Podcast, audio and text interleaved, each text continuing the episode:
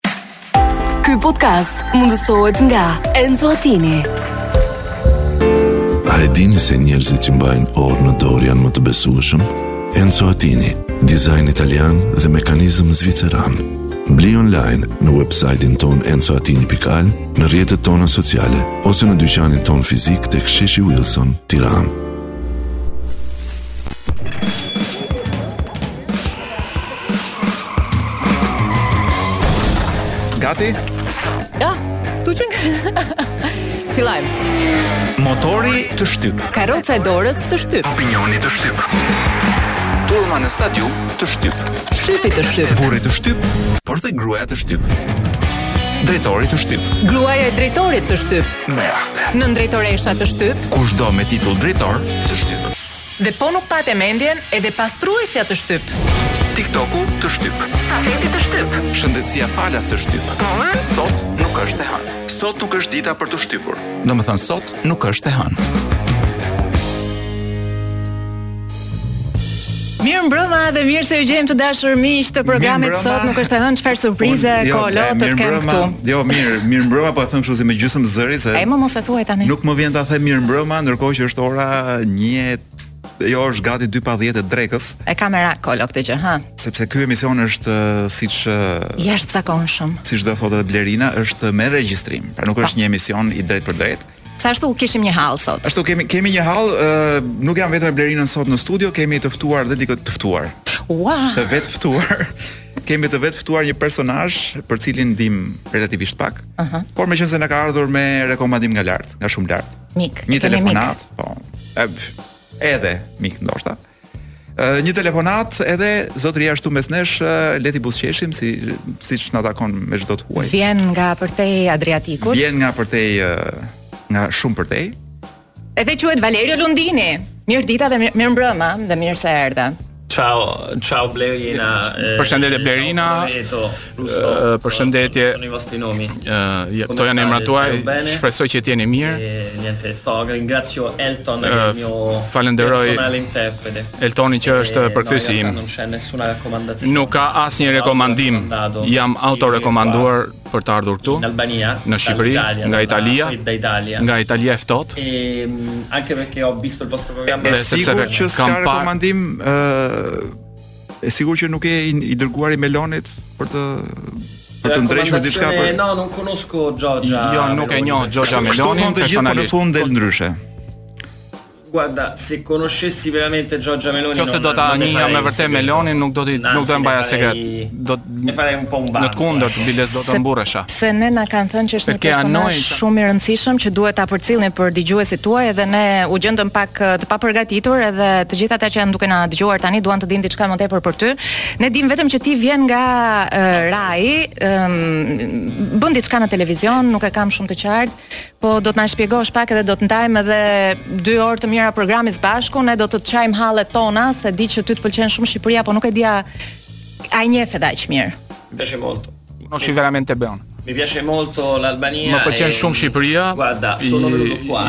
Kam ardhur këtu sepse po xhiroj një program. një program që quhet çështje të komplikuara dhe jam në puntatën e fundit në pjesën e fundit dhe do të desha të bëj një festë për fundin e xhirimeve siç bëhet në gjithë programet që bëhet gjithmonë në fund. Sepse këtu disa disa restorante dhe lokale janë më të lira se sa në Itali. Dhe bëj po të njëjtën gjë, që bëjnë italianët që vijnë për të vendosur dhëmbët dhe për të bërë festat në det. Mundohem që të kursej dhe kolegët dhe administratën e RAI që është në ujra të vështira, domethënë në siklete financiare. Jam kam ardhur në Shqipëri se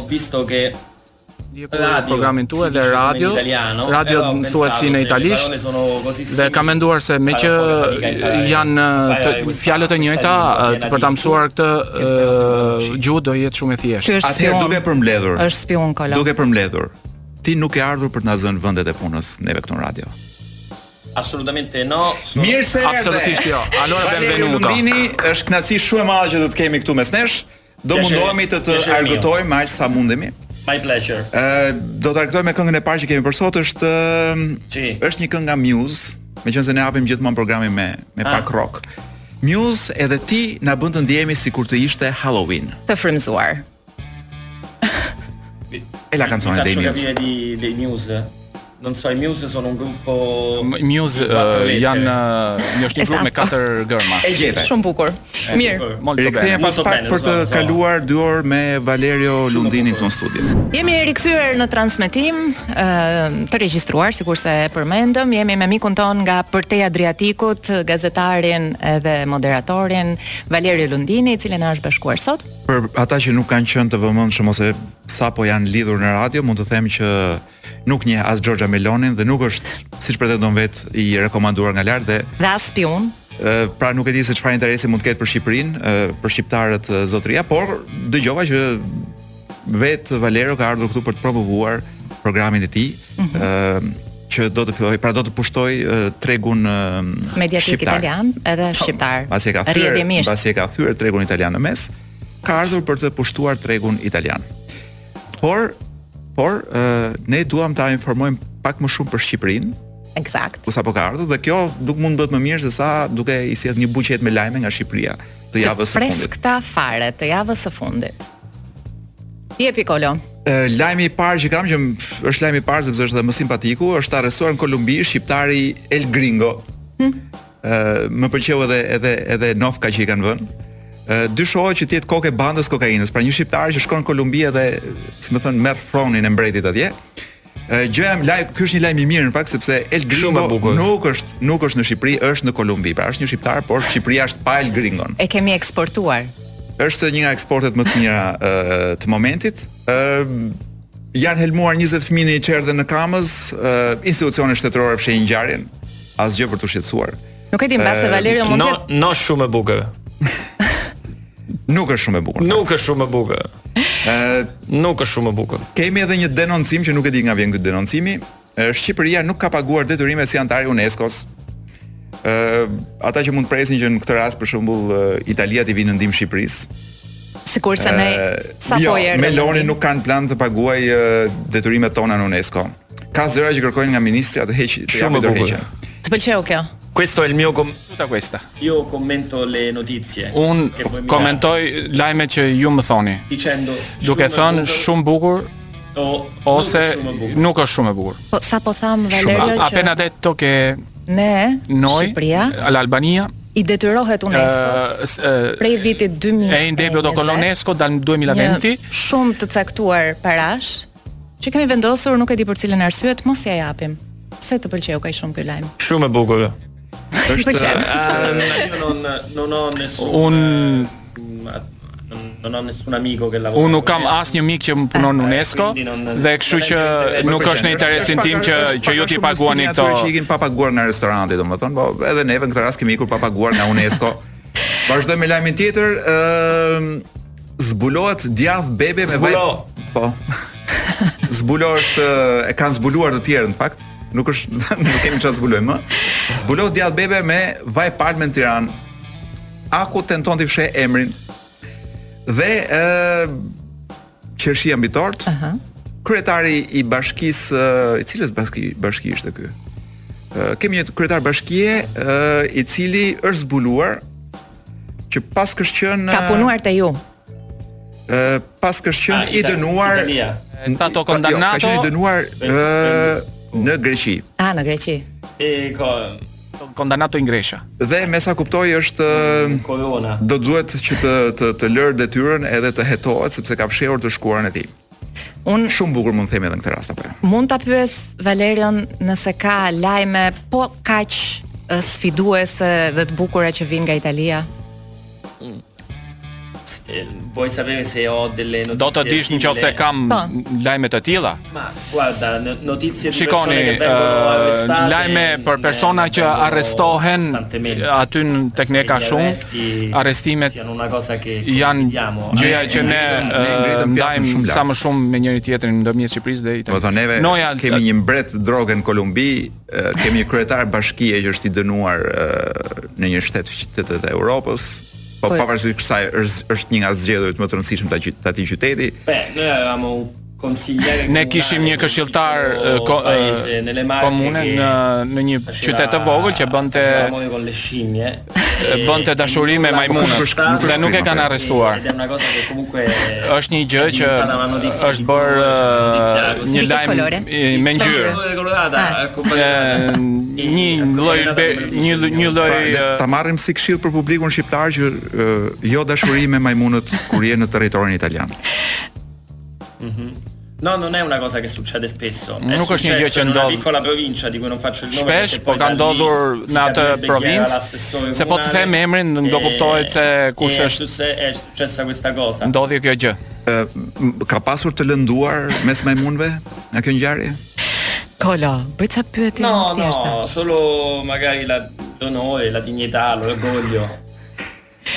Pra jetuan të gjithë, pak a shumë jetuan të gjithë të lumtur ë mbas ngjarjes. Feli, yes. Yes. Shumë bukur. Po, shumë bukur. Eksakt. Ku më zilish si yes in uh, po, si po, si, po, si thua po, si në po, po, po, po, po, thjesht fare. Po. Po. Mirë, më vjen mirë që Italia nuk del ka. Kjo më pëlqeu shumë. Do të thonë garën italianët edhe mund ta po. fitojnë garën me këtë me po, këtë. Po, me këtë të fundit po, me këtë ushqimin e. Me këtë po. komunën e vogël, me me këtë kryetarin e komunës që bën dashuri me majmunët. Por gjithsesi, ë do t'ju do t'ju sponsorojmë shpejt. Mund të kishte një Arctic Monkeys tani.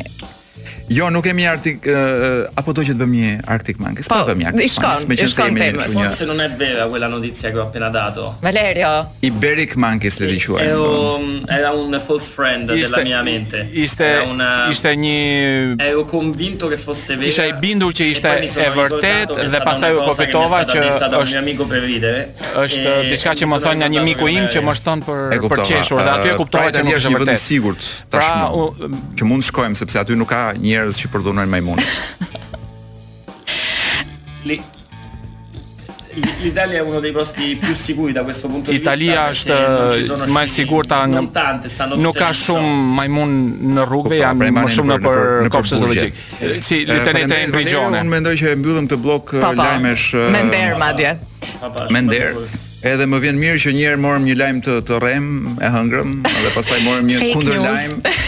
Por, Por e... sa e thjeshtë është të vish në Shqipëri dhe të shesësh lajme të rreme dhe t'i besojmë sepse vjen nga Mirë që për të njëjtë vetë se kush do ta bënte nga ne të dy këtë gjë. Arctic Monkeys. Okej. Okay. Ëh, uh, mbas pak do të rikthehemi për të folur për një temë shumë të rëndësishme që Na përket ne, po unë mendoj që i përket edhe Italisë. Jemi rikthyer on air. Sigurisht on air edhe në këtë emision të regjistruar së bashku me Valerio Lundinin, ë një nga personazhet më simpatik të Rai Tre. Po. Që nga ardhja e të djathtës në pushtet në Itali, domethënë është është e çuditshme që punon akoma. Ku unë falem. Ë do të diskutojmë për një temë që është Unë mendoj është tema më e nxehtë shqiptare e pra një javë më parë. Politikës. Pra ditën që shfaqet emisioni, nënkupton temën e një javë më parë dhe bëhet fjalë për një pro propozim shumë të guximshëm. Ëh. Mm -hmm. Një kurajo e jashtëzakonshme nga ana e një deputeti të pozitës, që ne e kemi qejf në fakt. Ne e duam shumë, edhe pse ai nuk na ka ardhur kurrë në në radio. ndoshta sepse nuk e kemi ftuar kurrë. Uh -huh. Zotria në fjalë, Zoti Braçe ka bërë një propozim që ka shokuar të mëdhenj dhe të vegjël, dhe sidomos gratë, sepse ka kërkuar që të futet një standard nordik në në legjislacionin shqiptar. Po. Dhe ky standard është që ditët e ciklit për vajzat dhe për gratë të paguhen nga buxheti i shtetit dhe t'u njihet edhe raporti i pushimit. Unë jam fiks Në ato ditë kur mund të më ngrihen nervat Të Tani kuptoj, nëse është kjo eh, arsyeja Po, po përpiqesha të mendoja si, si një grua Po Si një vajzë e re mm -hmm. Tepër Uh, dhe po kuptoj për shembull uh, duke menduar nëntori që ka disa festa uh, pushimi vet. Domethënë është dhe një fundjavë. Është dhe një fundjavë. po ti vësh tre push tre ditë pushim domethënë nga ky cikli aku domethënë unë e bëj një 10 ditë po ti, jo ti, për qef. Ti nuk mundesh. Sigurisht. Uh, unë nuk mundem, por uh, unë mendoj që hapi tjetër i Zotit Braçe është që të luftojë edhe për ata burra të cilët në një moment në disa ditë të muajit ndihen femra. dhe dhe ka një cikël mendor, edhe pse mund mos e kenë fizik. Unë dua um, mendimin e ndërkombëtarëve në këtë pikë. Po Esatto, ehm, ho sentito la notizia. E eh, dëgjova lajmin, e di shumë mirë se për çfarë po flisni, dua t'ju kërkoj diçka mbase ti dhe mes të dyve që jeni ti je femra, është e vërtetë që cikli menstrual femëror stanno vicine kur, si allinea kur femrat janë afër uh, përafrohen apo është e pavërtetë. Unë do kisha një ankesë për diskriminim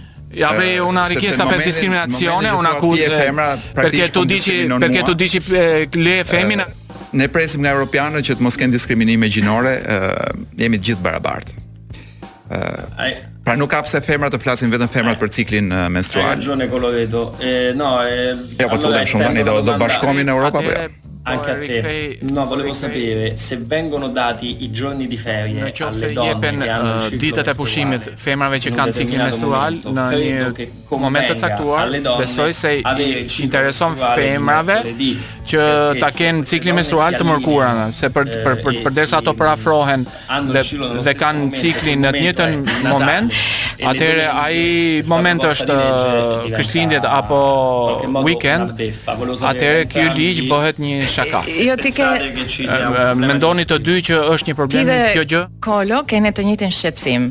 Keni hall se të papritur në një ambient pune do të mbeteni vetëm mes burrash, me sa kuptoj. Por me sa kuptoj nuk është ky shqetësim i e, zotit Braçe. I zotit Braçe. Jo, zoti Braçe unë mendoj që ka një shqetësim vetëm që ndjehet pak i vetmuar dhe ka nevojë për solidaritet. Kështu që është gjithmonë teza ë që do që të jetë në qendër të vëmendjes. Ëm rreziku që të gjitha gratë e një ministrie të kenë politician. Po, po, po, po. Është politikani, po, që ka bërë këtë propozim. Rreziku ministritë tona dihet tashmë që janë të mbushura me gra, sepse kjo është preferenca personale e kryeministrit që është një preferencë shumë e mirë dhe e lavdërueshme. Kuotat rozë. Ë imagjino sikur po themi gjithë kryeministria në një moment të ketë një sinkronizim cikli dhe të ngelet gjithë për shembull 4 ditë pa punë.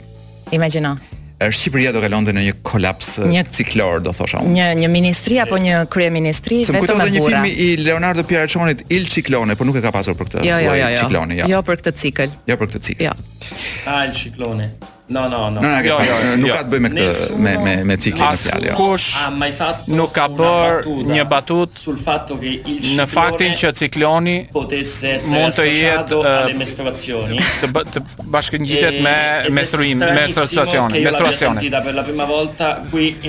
Dhe është e çuditshme që kam dëgjuar për herë të parë thotë në për herë të parë këtu. Shpresoj të mos më denoncosh tek autoritetet. Spero che non mi denunci alla autorità del del oddio. Autorità autorità italiane. Eh, ringrazio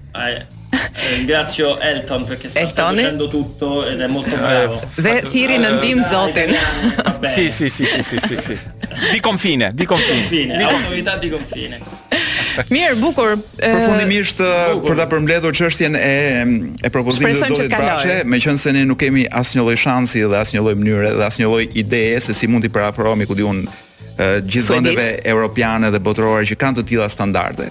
Por e fillojmë nga cikli, ndërkohë që duhet ta kishim filluar ku di unë nga nga të drejtat në punë të grave. Ëh. Mm nga po, edhe mbrojtja në, në familje ndoshta nga dhuna etj etj. Mirë do bënte do bënim që të fillonim nga këto gjërat e vogla dhe pastaj po. shkojmë tek gjërat e mëdha si puna e shpërblimit. Mbase në ligjet i kemi kolo se e kemi këtë refrenin. Ligjet i kemi shumë të mira. Problemi pastaj qëndron tek implementimi dhe zbatimi.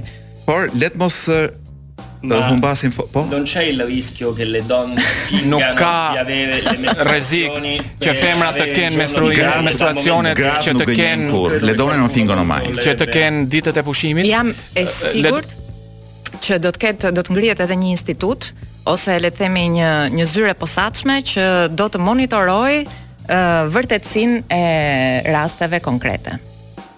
Unë mendoj, unë mendoj që um, zgjidhjen më të mirë për këtë pyetje që ngriti me të drejtë uh, përfaqësuesi përfaqësuesi i komunitetit evropian. Uh, unë kam parë të zgjidhur në Afganistan. Aha. Uh, në Afganistan ka një traditë uh, pak të pak të gabuar që uh, kur duan manipulojnë me votimet, Aha. Uh, shkojnë burra të veshur si gra, sepse kush do t'i kontrollojë, janë të veshur gjithë me burka dhe kam parë lajme me të vërtetë për këtë. E dim, e dim. Por ka njerëz, mm burra Mhm. Mm të cilët janë roje dhe të cilët të skanojnë pavarësisht se je veshur me një burka nga nga koka te këmbët. Ai arrin të kuptojë që je një burrë i veshur me burka apo jo. E dhe kam parë se kur ata demaskohen publikisht. Kështu që ne mund ta kapim këtë standard të Afganistanit dhe të arrijmë të kuptojmë gratë që gënjejnë për ciklin për ditën akute të ciklit. Bukur dhe le të mos hetojmë më tej. Do të rikthehemi pas një tjetër kënge për të trëmbur Valerion me 10 gjëra të tmerrshme të Shqipërisë. Jemi rikthyer në studio, bashkë me ne është Unë e kam njohur në në një version të Late Night Show në Rai 3 Valerio Lundini, që sapo i ra një stilolaps. Po, në fund fundit ne ne ua kemi toleruar italianëve dhe këtë që të vijnë në tavolinat tona dhe të hedhin ja, gjëra për tokë. Ja, këtyre u bien gjëra nga duart, jo vetëm ne. Mirë, është një um, takim special ky sot me, është i veçantë, ndryshe nga të, të hënat e tjera, megjithatë uh, do të mundohemi. Është një hënë tresh. Ekzakt. Ë, uh, jemi në rubrikën tonë të përjavshme 10 gjëra. Mm -hmm. Po këtë radhë do flasim për 10 gjëra të tmerrshme që ndodhin në Shqipëri. Dhe të shohim nëse Valerio do do do arrijë t'i vlerësojë në në nivel tmerri sa ç'i vlerësojmë neve. Atëherë, meqenëse ti Valerio ke shprehur dëshirën për të ardhur dhe për të na zënë vendin e punës, për t'u transferuar në Shqipëri për të bërë gazetarin apo prezantuesin këtu, unë duhet të të them që në këtë vendin tonë të mrekullueshëm, ë ndodhin gjëra të çuditshme dhe një ndër to është që Shqipëria është e para në Evropë për abortin me bazë gjinore.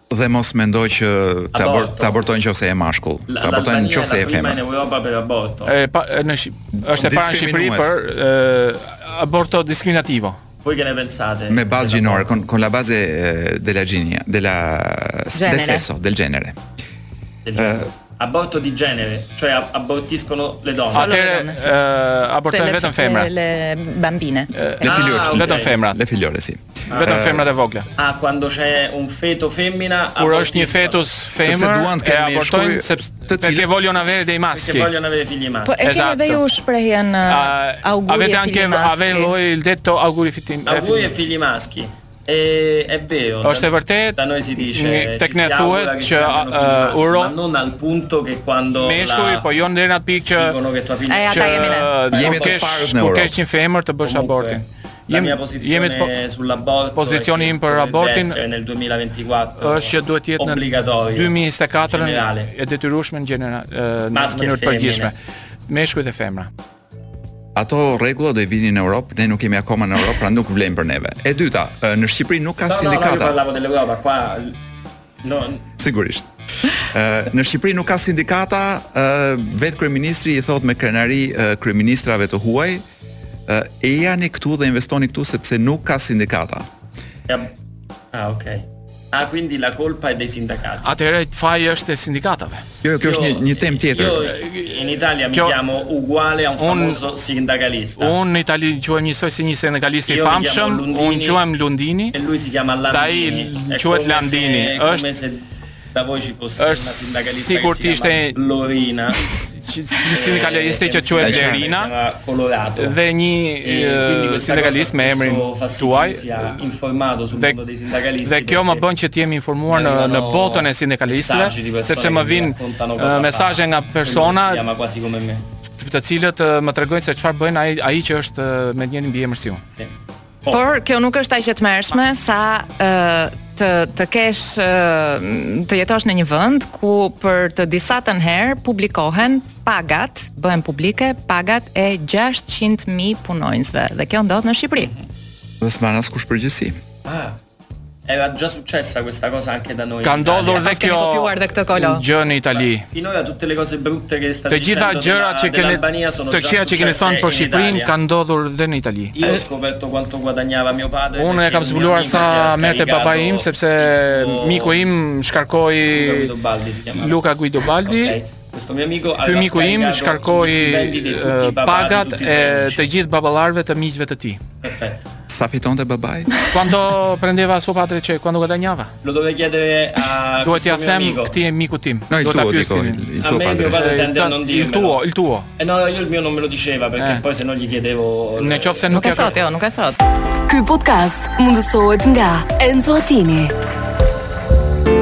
A e dini se njerëzit që mbajnë orë në dorë janë më të besueshëm?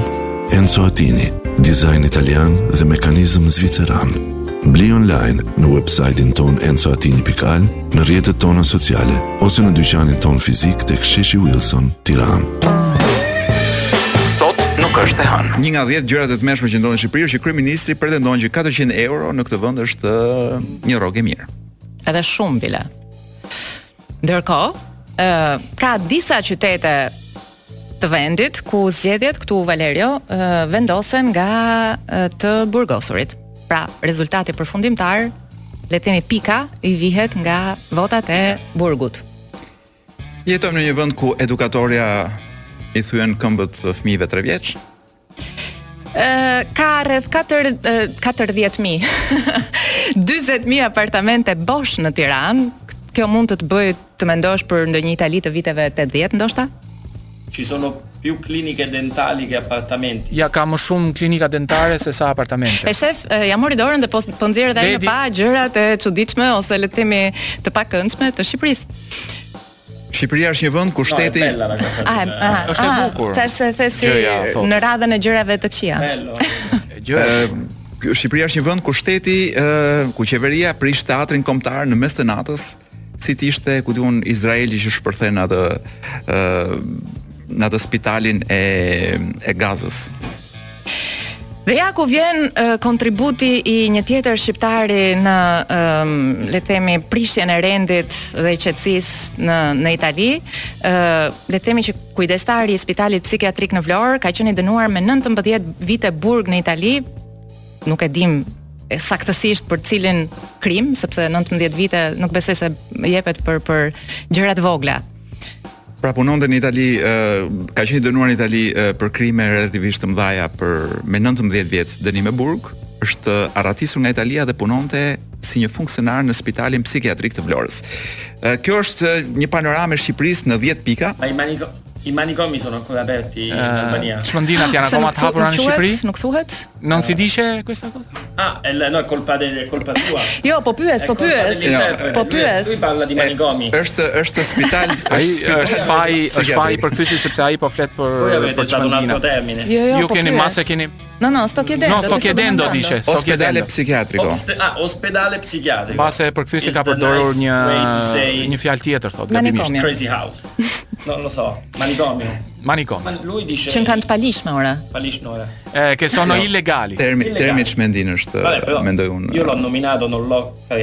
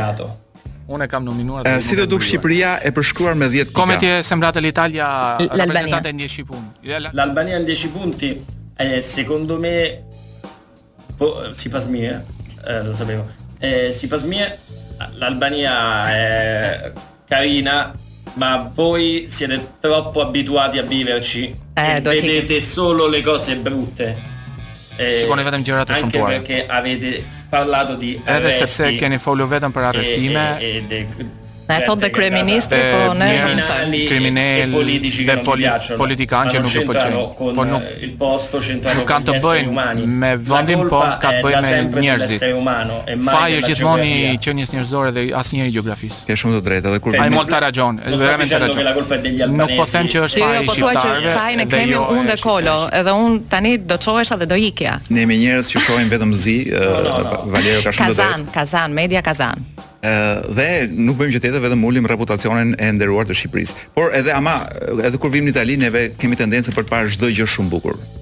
Po pra, po jemi të njëjtë njerëz, si ka mundsi?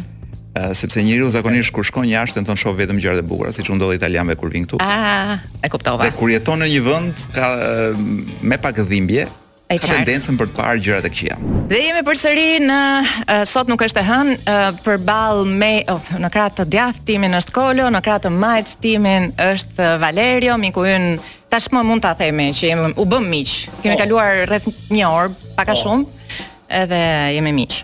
Kurse un kam përball Valerion dhe Davidin e Michelangelos. Që të cilin për fat e kanë mbuluar me pak gjethe në mënyrë që të mos më shqetësoj shikimin. Mund të jetë vllai i vogël i Davidit. Ë Valerion do përpiqemi ta njohim më mirë, mm -hmm, megjithëse ky është një emision special i joni. Patjetër. Jo më dysh, po tresh. Do i bëjmë një intervistë si i thonë serioze. Shumë serioze. Jepi. Atëherë pyetja e parë i dashur Valerio.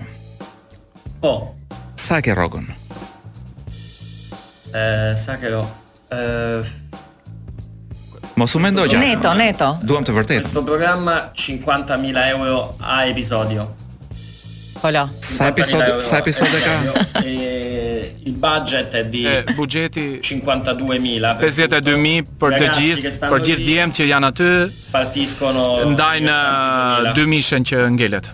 Io per 50.000 Unë perché 50.000 sepse l'aspetto, jam i bukur, il carisma, uh, karakterin, e karizmatik, la, la fama, la, la fama, bukurin. Gati gati po ndjej dëshirën të vij të punoj për ty. Pra që ka kënaqësi të punosh po për ty. Po do ndaje 2000 eurot me çunat. Pa da divi. Po mendoj duemila coi coi ragazzi. Unë mendoj që do heqi po. dy nga ata për për të futur mua në në, në grup. E qartë. Puoi prendere la parte di uno di loro. Mund të marrësh uh, rolin e dikujt aty. Kam një tjetër pyetje për ty, Valerio. Uh, ecim. Okej ecim. Ecim. Ë uh, i pyesim shpesh herë të huajt kur vijnë këtu, ku janë vajzat më të bukura në Shqipëri apo në vendin tënd? Ehm Qui in Albania. Këtu në Shqipëri. Faleminderit. E mora si një kompliment. Grazie, è un complimento, credo. Sì. Faleminderit. Po, po, po. Faleminderit. Eh, sì, sì. Po, po. Grazie. Po po bëj një xhiro edhe nga Lushnja nga Kavaja, do mos u mos u përqendro vetëm në qendër të Shqipërisë. Ë uh, një pyetje tjetër, a është e vërtetë që gjithë italianët kanë nga një dashnore përveç gruas?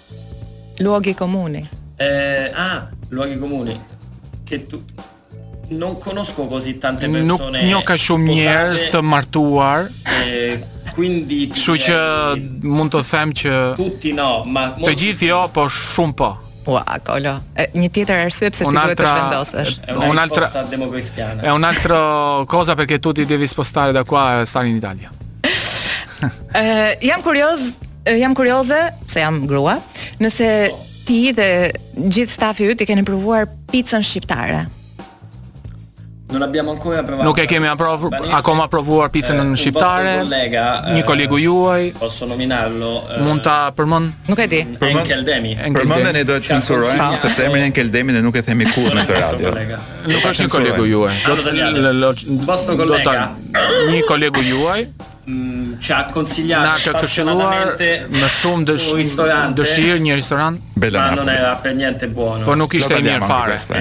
Fabrizio la uno dei nostri Fabrizio një nga kameramanët tanë rrezikoi për të disatën herë. Ha mangiato un pollo crudo. Ka hëngër një pulë të gjallë dhe rrezikoi tetanozin sepse ai është napoletan.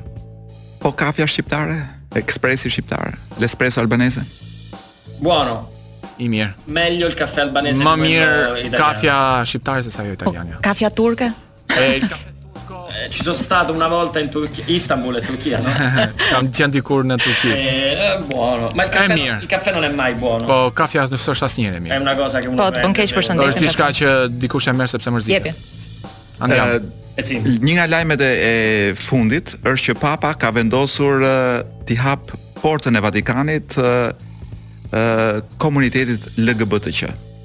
A je i lumtur dhe a, a ke tro, kur do kur do trokasësh në këtë portë, domethënë mendon kur do trokasësh? Quando uh, Busserai. batterai, se busserai su questa porta. Ok, e guarda, Eh, spero ok, presto. shpresoj sh- shpejt. L'altro giorno, unë di, një, një ditë isha tek Vatikani ku është kisha. Nuk isha gay dhe isha unë. Se no sarei entrato, ma ose do kisha hyrë. Por zbulova që jashtë Vatikanit ka disa tenda me të pastrehë. të varfër. E le tende sono subvencionate dal Vaticano. Tendat janë të subvencionuar nga Vatikani. E un mio amico ha detto. Dhe një miku im tha që do t'i vlente më mirë të flinin aty. Lui, hai una vista splendida. Ke një pamje shumë të bukur. C'è San Pietro, sepse është San Pietri, është metroja aty afër, s'do të paguash qira. E e la cosa che io gli ho chiesto è ma come fai con le Pyetja është si do ia si e bësh me fekalet me urinën. shko në një bar. Hera di natë të sonë gjusi. Por natën janë të mbyllura. Kjo të them për gjithë gjithkënd që mund të shkojë të transferohet në një. Mendova që do ishte më mirë të ishe i komunitetit se sa të ishe barbon. Më duk sikur do ishte duke thënë këtë. Po, është më mirë të jesh trans se sa i varfër në Itali apo jo. Po, për të hyrë në Vatikan. Meglio entrare in Vaticano. Meglio trans che povero per entrare in Vaticano. Sì. Po. Po. Bukur.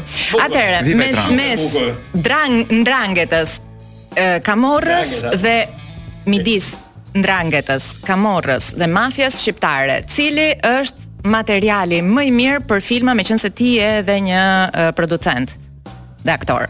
Okej, okay, uh, Esiste sia la Camorra che la Ndrangheta Ekziston dhe dhe Ndrangheta dhe no. mafia dhe Ndrangheta dhe Camorra Scegli la più bella la mafia albanese Kush është më bukur, shumë bukur Kje, kje Ba, ka Nga të treja Mafia, forse, forse Ndrangheta Ndoshta Ndrangheta Sepse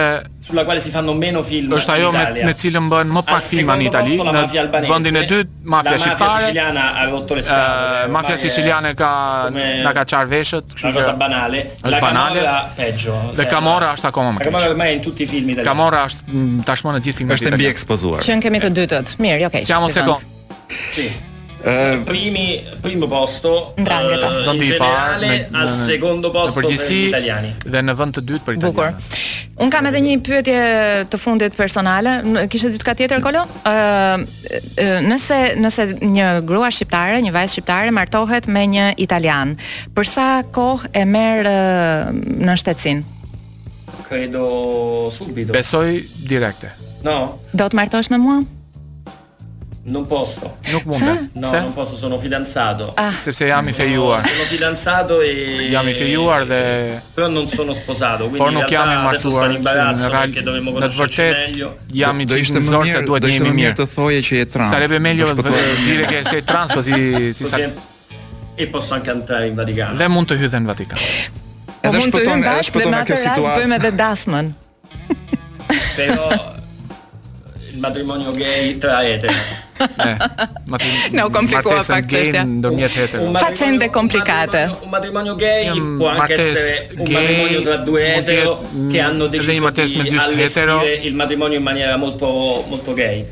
që duan ta trajtojnë duan ta bëjnë këtë martesë në një mënyrë gay jo që në vend që të hedhin uh, oriz hedhin uh, karamele mundësi të pafundme dhe po na jep shumë ide të mira të falenderoj jemi në studio në këtë emision special me të ftuarin uh, tonë nga Italia uh, Valerio Lundini një gazetar simpatik, i cili ka ardhur që të promovojë në Shqipëri programin e vet, të cilin sigurisht nuk kemi në plan që ta promovojmë këtu.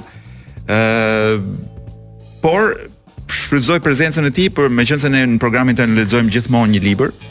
Pra kemi gjithmonë çdo javë lexim nga një libër. Ë dhe meqenëse Valerio është këngëtar, shkrimtar, autor, ë edhe prezantues, prezantues programesh, Unë po përfitoj nga rasti që tek rubrika e librit të lexoj një copëz nga libri i Valerios. Ë uh, Wow. Nuk e di a ke ndonjë gjë për të thënë Valerio për një prezantim shumë të shkurtër të librit me 2-3 fjali? Guarda, innanzitutto grazie Shikoni, della fiducia che Faleminderit për besimin që po më jep. Eh, eh, il racconto che stai leggendo l'ha eh, tradotto in ajo që ti po lexon e ka përkthyer në shqip Blerina. Non, non so se agli Nuk e di nëse shqiptarëve ju intereson kjo rrëfenjë. Parla di una dinamica che por flet për një diçka që flet me diçka që un kam zbuluar kur punoja në Rai.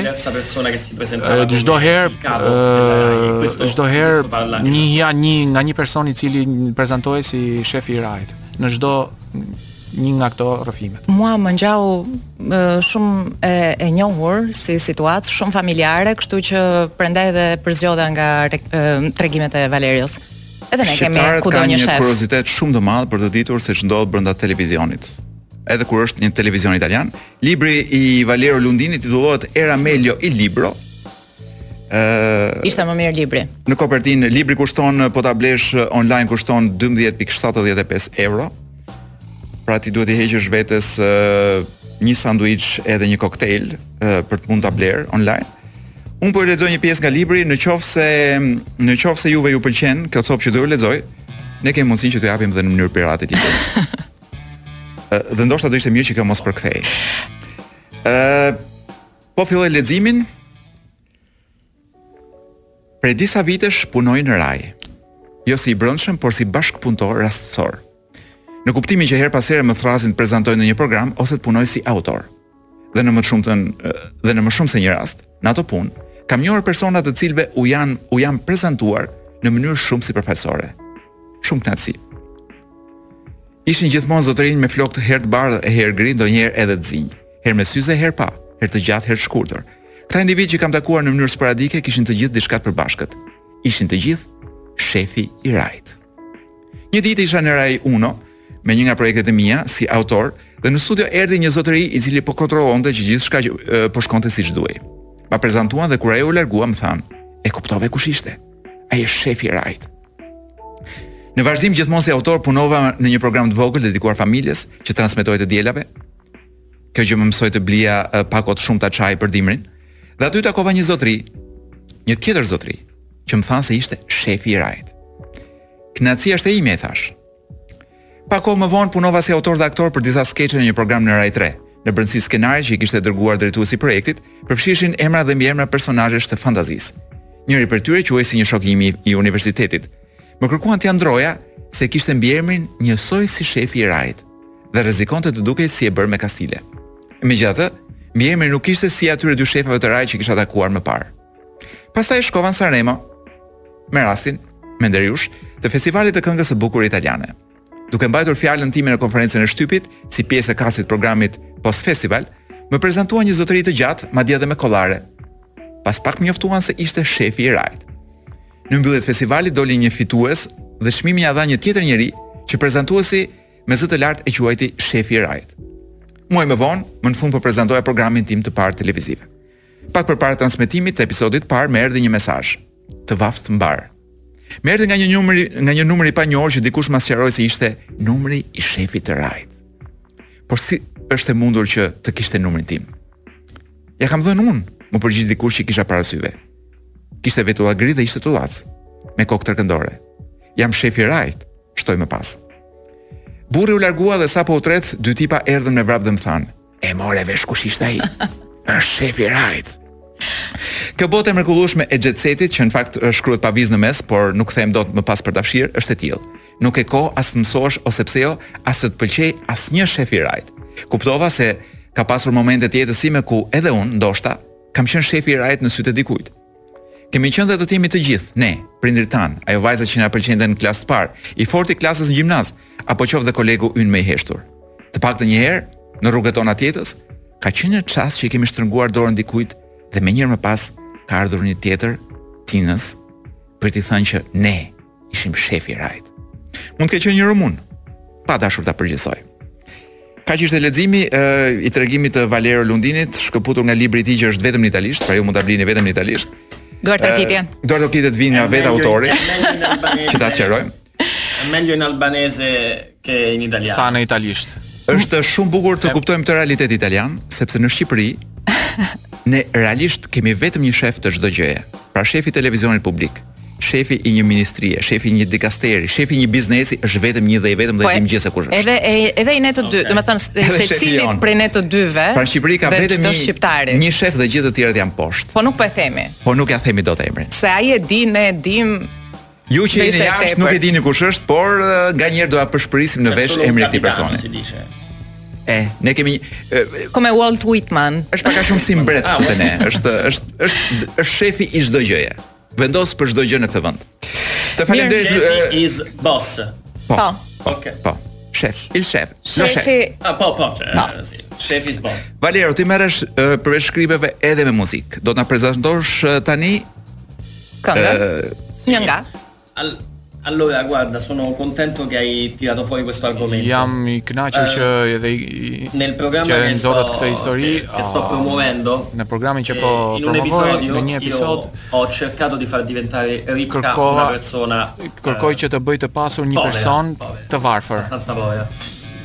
Ho preso un ragazzo di vent'anni Një djalë njëzet vjeçar e kam bindur që të bëhet një muzikant trap. Io ho scritto una canzone, gli ho i kam shkruar një këngë, i kam prodhuar një bazë, i kam xhiruar një videoklip, e vesha si një trapper. Ky person ishte një djalë si gjithë të tjerët dhe tani po bëhet një fytyrë e muzikës trap.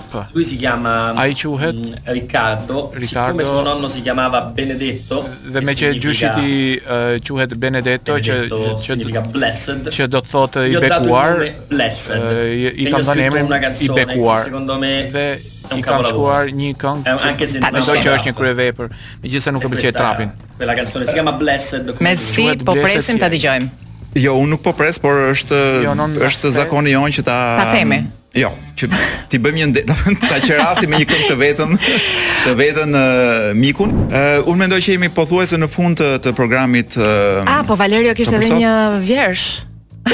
Do ta mbyllim, më duhet t'i them publikut që përveç këngës që sapo prezantoi te kë ka atij djali që ka marrë përsipër ta bëjë të famshëm. Ricardos. Shpresoj që t'ia bëjë të paktën në Itali se në Shqipëri.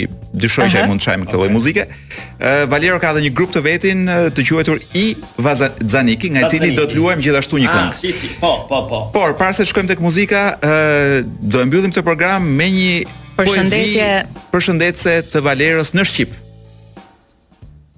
e è una poesia sul Natale. Është një poezi për Krishtlindjen. Krishtlindjet po vijnë. Krishtlindjet po vijnë. È cantata. È una canzone. Është një këngë. Mos ki frikë nga Krishtlindjet. Mos ki frikë nga i ftohti. Babagjyshi